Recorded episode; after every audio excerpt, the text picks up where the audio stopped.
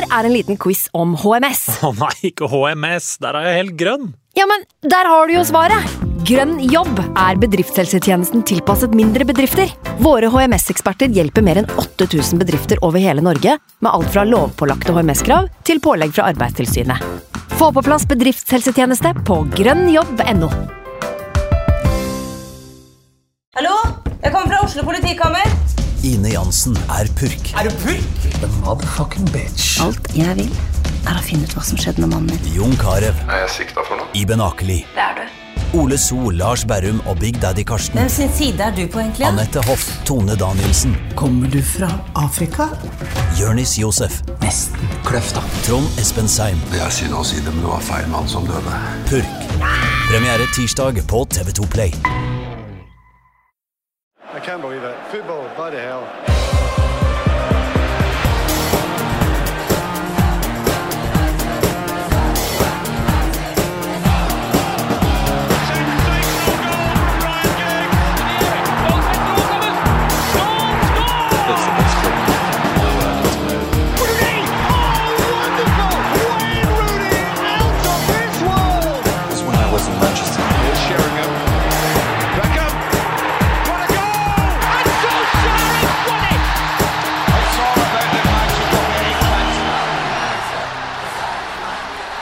Velkommen skal du være til nok en utgave av United We Podcast. Jeg heter Ken Vasenius Nilsen, og eh, ved min side Anders Serener. Nær sagt som vanlig. Halla, Anders. Eh, halla? Dette her blir jo en slags eh, transfer-spesial. Ja. Overgangsspesial, rett og slett, for vi har fått med oss eh, den mannen i hele verden som er aller mest opptatt akkurat nå. Nemlig overgangsguru Fabrizio Romano. Han skal være med i podkasten i dag. Han har jo fryktelig mye å gjøre, men har lovt oss eh, en liten eh, timinuttersprat etterpå til konkret Manchester United transferrykter. Tid han egentlig antageligvis hadde trengt i søvn, Ja, vil jeg tro. det tror jeg også. Det er en av de tingene vi må sjekke med han selvfølgelig, om han eh, i det hele tatt har tid til å sove i disse dager. Men før vi ringer opp eh, Fabrizio, så kan vi jo ta eh, noen av de tingene som har skjedd med Manchester United som ikke direkte har med transfer å gjøre. Eh, vi har jo fått terminlista nå. Det har vi. Det kan jo være litt ålreit å se på. United skal sesongåpne mot uh, Wolves eh, på Old Trafford. Um, den kampen er uh, Den er litt rart, for det er mandag 14. august klokka ni. Klokka ni. Ja, er. Ni på kvelden. Ja, det er litt deilig òg, da. Ja, det er bare litt spesiell sesongstart, men det er jo da syvende gang på rad at United åpner sesongen hjemme på Old Trafford. Det er liksom sånn det skal være, på en eller annen måte. Sånn det også skal være, er jo at United skal spille hjemme på Boxing Day. Det skal de også gjøre denne sesongen. Deilig. Eh, da er det hjemme mot Villa er det faktisk de skal spille mot. Det er mot Villa. Ja, Villa på Boxing Day. Og det, det kan jo bli en fin dag. det kan jo faktisk det. Eller så kan vi også nevne at etter matchen mot, uh, mot Wolves, uh, så venter en ganske tøff bortematch mot Tottenham. Tredje runde er mot Nottingham Forest, Paul Trafford hjemme. Og så er det bort til Nord-London og møte Arsenal uh, borte, som er den fjerde matchen da i begynnelsen av september. Forholdsvis tøff åpning, da. Jeg vil si det. Det er en ganske røff åpning. Det er to ganske uh, harde uh, bortekamper. To greie nok hjemmekamper, kan man vel si. Ja, Men Wolves er sånn, du vet aldri helt hva slags utgave du får, da. Sesong til sesong. Man vet jo heller aldri hva slags utgave man får av Manchester United tidlig i sesongen. De første matchene kan jo være Men i år uten grønne drakter. Ja, Eller jo, men ikke de stygge grønne. ja det er helt riktig. Det er noen andre grønne eh, som vi har fått inn der nå. Faktisk ganske fine. Ja, Du liker det i hvert fall. Ja, jeg er fortsatt litt usikker. De er litt for like Newcastle for meg. Men allikevel, det er grønt og ikke svart, så da kanskje jeg skal gå med på det. Kan også nevne at eh, United skal møte City hjemme eh, den 28. i 10. Og så er det eh, første match mot Liverpool 16.12., så rett før jul der, så er det bortekamp mot Liverpool også. Så blir det da eh, bortematchen mot City ute i mars, og siste serierunde er mot Brighton eh, den 19. mai. Og den hører jeg guffet allerede. Den bortekampen mot Brighton, ja. Ja. Kan bli litt for avgjørende. Jeg kan også nevne én ting til. Det er jo eh, et ganske vondt tema, eller det er flere vonde temaer innad i Manchester United akkurat nå. Det ene er det oppkjøpet. Det trenger vi ikke å ta tak i i dag. Det har ikke skjedd noe nytt som vi trenger å snakke om. Men det har skjedd en, eh, muligens en utvikling i Mason Greenwood-sagaen. Eh, nå har det jo eh, vært bilder av at han har vært og trent. eh, Mason Greenwood. eh, vært på et eh, et eh, treningssenter, ikke i regi nødvendigvis av Manchester United, eh, for han hadde ikke noe Manchester United-treningstøy på seg, eller noe sånt, eh, men han ble i hvert fall sett spillende fotball. Fått seg litt større hår siden sist. Veldig mye større hår. Veldig mye større hår. Um, og så var det noen bilder derfra, selvfølgelig, som ble i anførselstegn lekka ut i media. Jeg tror jo det der var med viten og vilje. Det er vanskelig å se for seg at det ikke var det. Ja, det er det. Men jeg så faktisk at selv om det er The Sun, da, man har liksom ikke noe særlig tillit til The Sun, så virker det som at The Sun og Greenwood-campen har en eller annen slags form for avtale. For dette skjedde jo også med Da det ble lekket, eller da det kom fram at han skal gifte seg med denne Harriet-aktig. Så skrev, så jeg at Telegraph med James Ducker, som er en veldig god journalist, eh, skrev at dette treningsopplegget er noe United setter pris på. At han holder seg i form both physically and mentally. Mm. Og så vil jeg jo tro at de bildene kommer ut litt for å sjekke, da. Eh, at det blir en liten sånn Ok, nå er han i trening. Eh, det vil si at han kanskje nærmer seg å skulle spille fotball igjen på profesjonelt nivå. Om det er for Manchester United eller ikke, er det jo ingen som vet. Eh, men da er det jo i hvert fall en slags sånn Da blir det en liten sånn test hvor folk må gå en runde rent etisk og finne ut om man liker det eller ikke. Og jeg ser for meg det er det som skjer nå. At da kommer sponsorer og alle mulige andre supportere, selvfølgelig. Det, da blir det nærmere å gjøre opp en mening om man vil se den mannen på en fotballbane eller ikke. Ja, og dette er jo sånn United gjør hele tiden. Det er jo det. Ja. Eh, The Sun har jo også vært på plass og meldt at eh, Mason Greenwood nå leier ut eh, luksuskokken sin eh, til 1500 pund i måneden. Hvordan hvordan vet de alle disse summene? De visste også at det kostet 85 pund i timen å trene på det anlegget han trente på. Å, ser du det? Ja. ja, men da er det jo kanskje et eller annet, eh, en, eller annen, eh, Det er nok noe her. en eller annen avtale som er på plass her, da. Jeg ser for meg det. Som gjør at de får litt ekstra info. Eh, Men da begynner jo folk å spekulere i da om eh, Mason Greenwood er på vei bort fra Manchester, eh, siden han da eh, leier ut kåken sin. Vi vet ikke noe mer enn det. Nei. Det er liksom det vi vet. Men altså, jeg ser for meg den der litt sånn teite låne ut uh, i en sesong. Se om ting kanskje roer seg, eller om det da blir et salg etter det. da. Ja. Kan jo hende det er, um, er måten å gjøre det på også. Eh, Jeg kan ikke se for meg at han heller får solgt Mason Greenwood for penger man vil ha, uten noe spesielt eh, mye styr nå. Eh, det er jo så vidt de får solgt spillere som ikke har vært innom rettssalen i det siste. Og det her er jo problemet til United. De har jo ikke råd til å bare gi ham bort. Nei. Det har de ikke, og de har jo ikke spillere. De, um, de er i en ganske kjip økonomisk situasjon. Later det til, i hvert fall. Ja. Og da, De ser verdi i Mason Greenwood. Det er jeg helt sikker på. De Ja. bryr seg ikke så mye om etikken akkurat der. Nei, eh, men de bryr seg nok nok da, til å vite om de skal For Hvis ikke de hadde brydd seg, så hadde de bare vært rett i elveren igjen, nesten. Det er også, også godt poeng. Også godt poeng. Så vi får se hva som skjer med den uh, saken der, og så får jo folk gå sin egen lille etiske runde i hodet uh, og tenke hva de, uh, hva de syns om eventuelt ta Mason Greenwood tilbake igjen hvis man skal se for seg at han skal være i rød drakt. Som jo um, ikke er helt utelukka at kan skje, altså. eh, Sånn situasjonen er nå. Jeg så aldri for meg at det kunne være i nærheten av å skulle skje. Nå får vi se, da. Hva som faktisk skjer. Som alt annet i United, ting tar tid. Ting tar tid. Ok, skal vi eh, få med oss det som er kjøttet i denne eh, sandwichen av en podkast? Nemlig Fabrizio Romano, mannen som kan det meste om hva som rører seg på overgangsmarkedet. Vi ringer han opp for å spørre om hva som skjer med United. So, uh, first of all, Fabrizio, these are uh, busy times for you, I guess. Are you getting any sleep? No, not at all. Almost three, four hours, but it's enough. During the transfer window for me is enough. Then I recharge my batteries in uh, September, October, and November. okay. So, what's going on with Manchester United on the transfer market right now, Fabrizio? Yeah, they're very busy with, I think, two positions. Uh, one, of course, is a midfielder with Mason Mount. They have this priority to get the Mason Mount deal done. But while I'm speaking, the bid is still valid on the table. The final bid made by Manchester United, 50 million pounds plus five in advance, it was rejected by Chelsea. But on Man United side, they're very clear. They want to get the deal done at those conditions and not for the counter offer sent by Chelsea two days ago. That was around 65 million pounds. So Man United want to close the deal for 55 or nothing. They won't wait forever. So it's really important to understand the timing of the story when Chelsea will react to this position from, from Manchester United. And then we will understand how they will move on this situation. But Mason Mount remains the priority. They agreed. So for Mount, the position is pretty clear. Uh, sign for Man United this summer. Otherwise, stay at Chelsea and leave on a free in summer 2024. So it's kind of dangerous situation for uh, for Chelsea. And then the other priority is going to be the striker. We know for Hag it's really important to mm, bring in a new striker this summer. Rasmus Højlund from Atalanta is one of the players they're following. Randall Colomoni from Eintracht Frankfurt too is very complicated at the moment to see Harry Kane and Manchester United because United don't want to spend the whole summer on a saga with Tottenham while they are not opening to any kind of negotiation with Man United. So at the moment the Kane situation is very quiet. And then we have to follow some other situation. I think the goalkeeper, based on what they will decide to do with uh, David De Gea contract extension, almost agreed, but still not signed. And this is why there is some potential surprise in the goalkeeping position for uh, for Manchester United, and then a new centre back. This has always been one of the potential signings for the summer. Kim Min Jae is now closer to Bayern than to Manchester United. Z- Disasi from Monaco is one of the options, so I think it's going to be a quite a quite a busy summer and busy July, especially for Manchester United. Uh, it seems also that they are uh, pushing for Moises Caicedo. Do you know anything about that?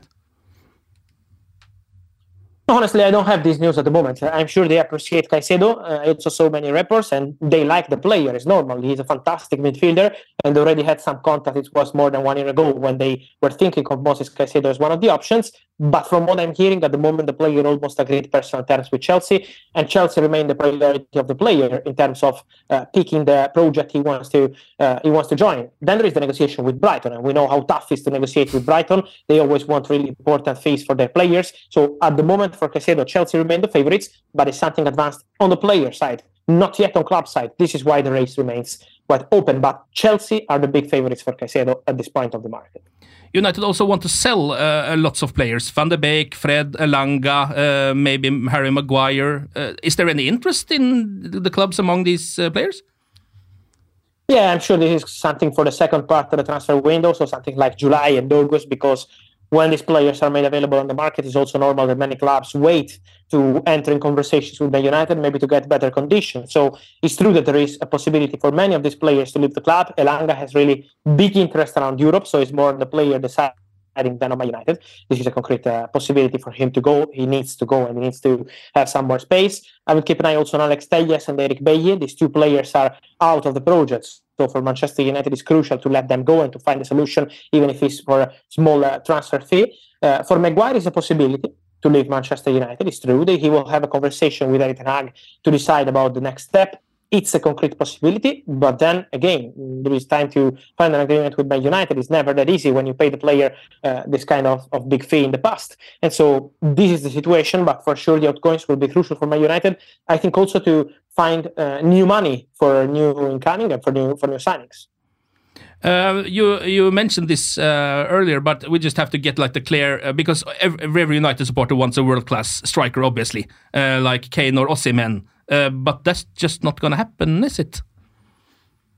I think it depends. Let's see what happens with the takeover. At the moment, we are still waiting to see what happens there, and this could change the summer of Man United and the plans of Man United. But uh, at this stage, with this ownership, with the Glazers, it looks really complicated. For Harry Kane, if Tottenham change their position and decide to negotiate with Man United, they would be absolutely open to restart conversations. But at the moment, from Tottenham, there is no intention to negotiate with United. This is why United feel that Harry Kane is not a concrete option. And for Victor, for Victor Osimhen, it's about the price tag. Uh, they think it's excessive to think something like 150 million euros for Victor Osimhen. He's a player they really appreciate, but they will go for him for a different kind of fee, not for 150 million euros because it would mean not to sign any other player basically on, the, on this transfer window. So they have to be smart also in terms of budget and in terms of financial fair play. If we were just to speculate, because uh, things aren't uh, really landed yet, but uh, how does this window look for Manchester United transfer-wise? Do you think? I think this looks um, honestly more complicated than expected in terms of timing. Uh, I think Eric Ten Hag, after the incredible job he did uh, last season, he deserved probably to have already maybe one or two players at the club to plan with them also during the preseason.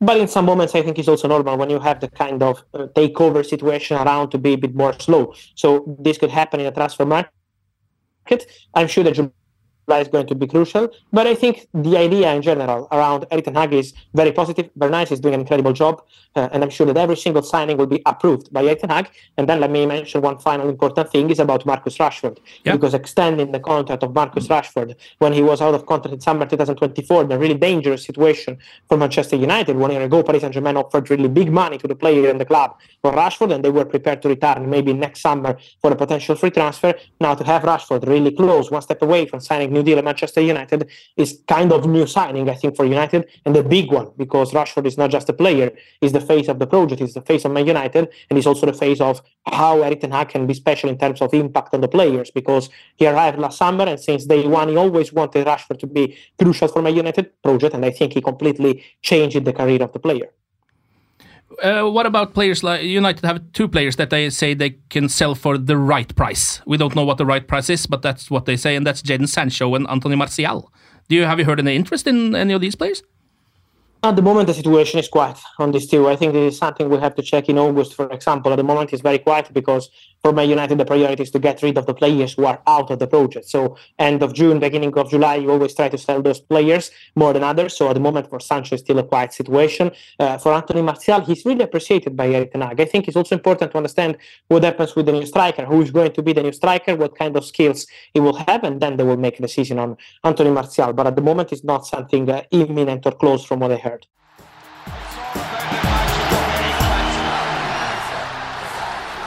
Det var Fabrizio Romano, en eh, meget opptatt mann. Han skulle rett videre til et intervju med jeg tipper Sky. Helt sikker på at det var Sky, faktisk. Ja, Den mannen er jo eh, på TV eller radio 24-7 i overgangsmarkedet, og som han nevnte, han sover ikke noe særlig om dagen heller. Det er liksom det han driver med. Ja, men altså, Sommeren er jo hans tid. Ja. Eh, han skal ikke ut og kose seg på strendene i Italia. Han skal rett og slett være i telefoner hele tiden. Vi kan jo ta en liten oppsummering av det han sa, siden Fabrizio både er en mann som eh, snakker eh, engelsk, og det var jo også eh, på Zoom, så lyden var jo ikke helt perfekt, det er vi klar over. Eh, I tillegg så snakker han ganske fort. Han gjør så. Ja, han gjør så, så vi kan ta Men det er, det er sånn han får tid til alle disse intervjuene. Det er akkurat det. Eh, han kjørte jo gjennom det som var her i løpet av kort tid. Pløyde igjennom. Men eh, det jeg eh, trakk ut av det, var jo for det første at eh, Fabrizio ser på Marcus Rashford sin kontraktsignering som egentlig Uniteds viktigste signering denne sesongen, i hvert fall inntil videre. Ansiktet til Prosjekt Ten Hag Ja. var det vel han var inne på. Og det er jo et godt poeng, det. Eh, Det var jo lenge spekulert om Rashford faktisk kunne forsvinne. Og det var til og med ganske mange supportere som ønsket ham bort eh, da han hadde vel én dårlig sesong. Ja. Eller halvannen. Eh, nå er han jo tilbake, var i hvert fall det i fjor. Dabba vel litt av på tampen sammen med resten av laget.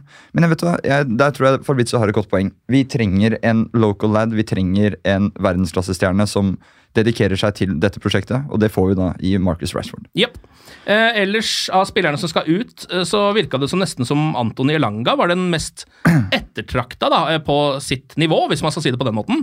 Virka som det var en del eh, klubber som eh, snuste på han, så han kan vel fort forsvinne. United vil jo også kvitte seg med han. Han er jo på lista United har over folk de faktisk vil bli kvitt. Det er jo litt interessant å se på det nå, for de har jo delt opp dette her nå i tre.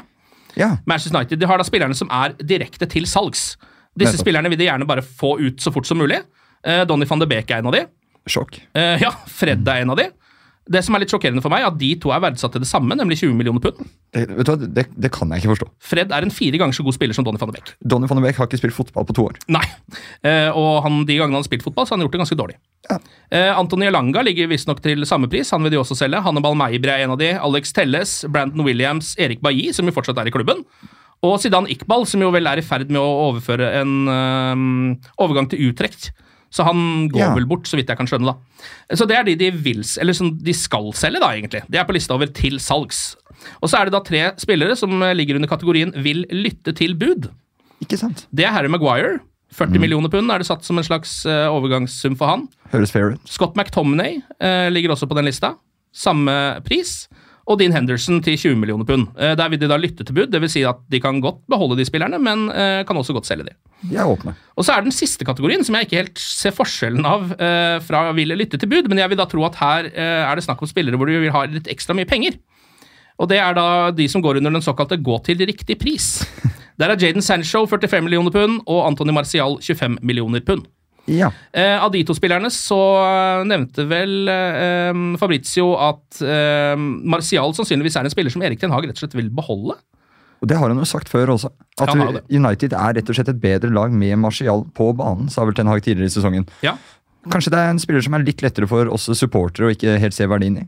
Muligens. Eh, Det er også fordi vi har sett han i så mange år. Vi har sett han på sitt beste og på sitt eh, verste, og på det som nå er mellomnivået, som han ligger på akkurat nå. Og så er det jo ikke FM ikke sant? eller Fifa. Du kan jo ikke bare um, selge Martial for uh, 20-30 millioner og så hente en spiller til 20-30 millioner. Det, det er dessverre ikke helt sånn det fungerer. Nei. Og i et tøft overgangsmarked, i en tøff økonomisk situasjon, så gir det kanskje mening å beholde Martial.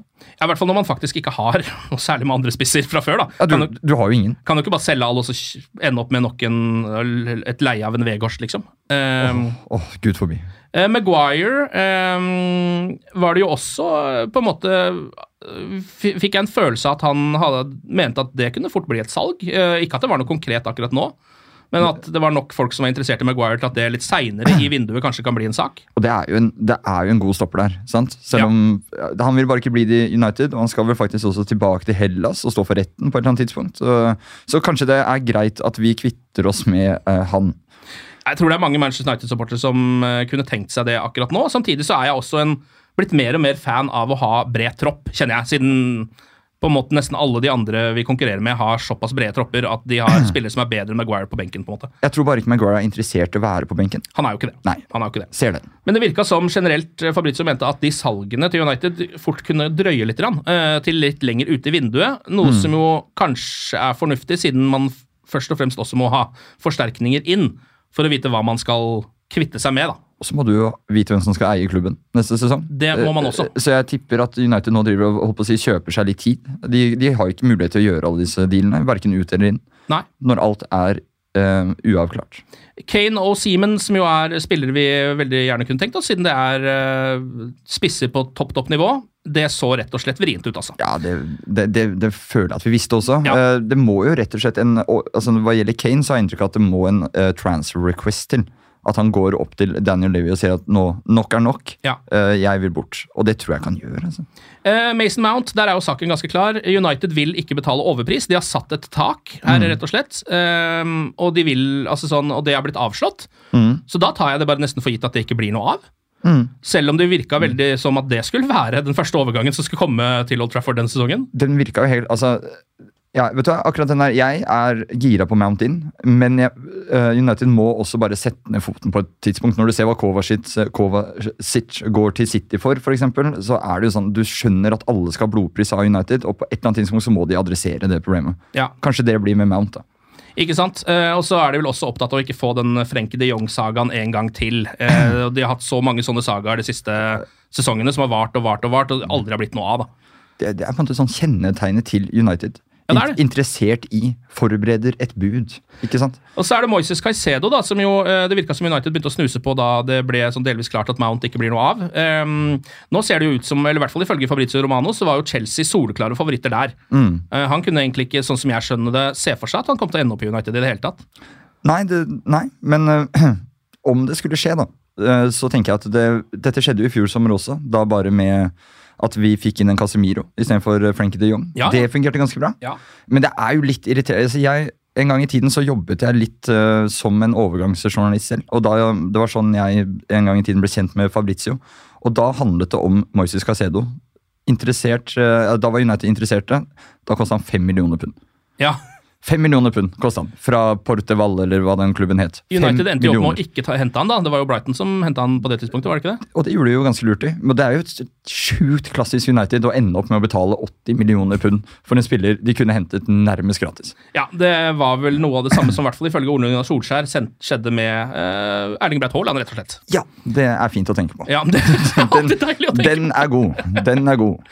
Så vi kan vel oppsummere det hele sånn fra, fra Fabrizio Romano at det var ikke noe here we go i denne omgang. Eh, men at United sånn, Han mente i hvert fall, sånn som jeg skjønte det, da, at de har pos- posisjonert seg et sted i markedet nå og holder på. Eh, det er mye greier som skjer der. Det bare virker som det står veldig, veldig stille. De jobber i kulissene. De jobber i de såkalte kulissene, så vi håper at vi får noe faktisk konkret om ikke så altfor altfor lenge. Det her ble en liten eh, kort overgangsspesial fra United We Podcast. Nå tar vi en bitte liten sommerferie, men med en gang det skjer noe Altså Hvis det faktisk konkret skjer noe, så kommer noen spillere inn, eller noe skjer med det oppkjøpet, eller noe annet, så er vi på plass igjen. Det kan vi eh, love dere. Så da er det bare å eh, glede seg til å kanskje se United på norsk jord, eh, mot Leeds. Det er jo det neste store som skjer, rent sånn på fotballbanen iallfall. Det er en fin dag. Bare å begynne å eh, kjøpe opp eh, drakter og glede seg til eh, ny sesong, for det blir spennende nesten uansett hva som kommer til å skje. God sommer!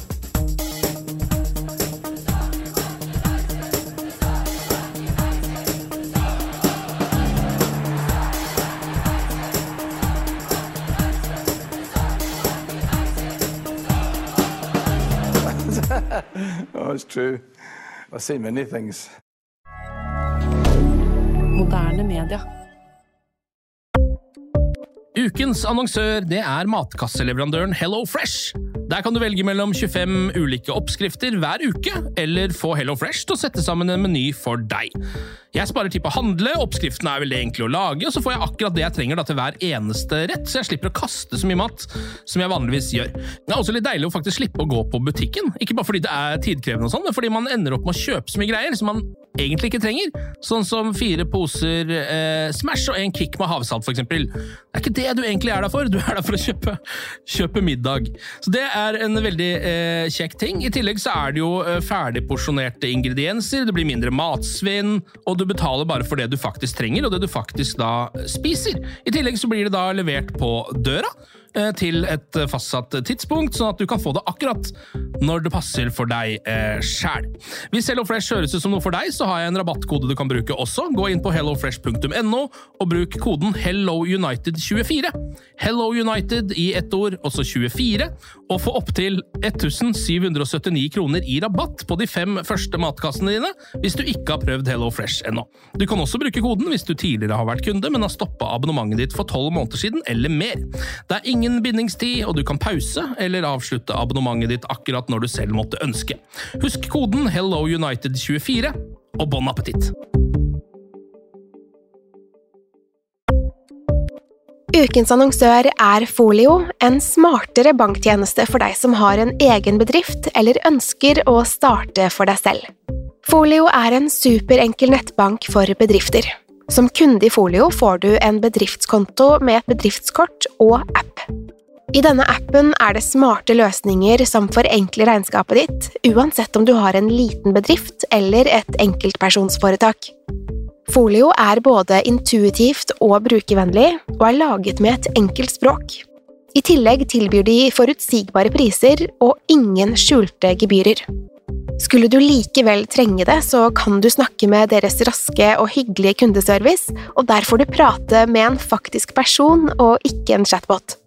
Folio er med andre ord både enklere og koseligere enn banken. Over 10 000 bedrifter har allerede valgt Folio som sin banktjeneste, så besøk folio.no og se hvordan Folio kan forenkle din hverdag også. Har du et enkeltpersonforetak eller en liten bedrift? Da er du sikkert lei av å høre meg snakke om hvor enkelt det er med kvitteringer og bilag i fiken, så vi gir oss her, vi. Fordi vi liker enkelt. Fiken superenkelt regnskap.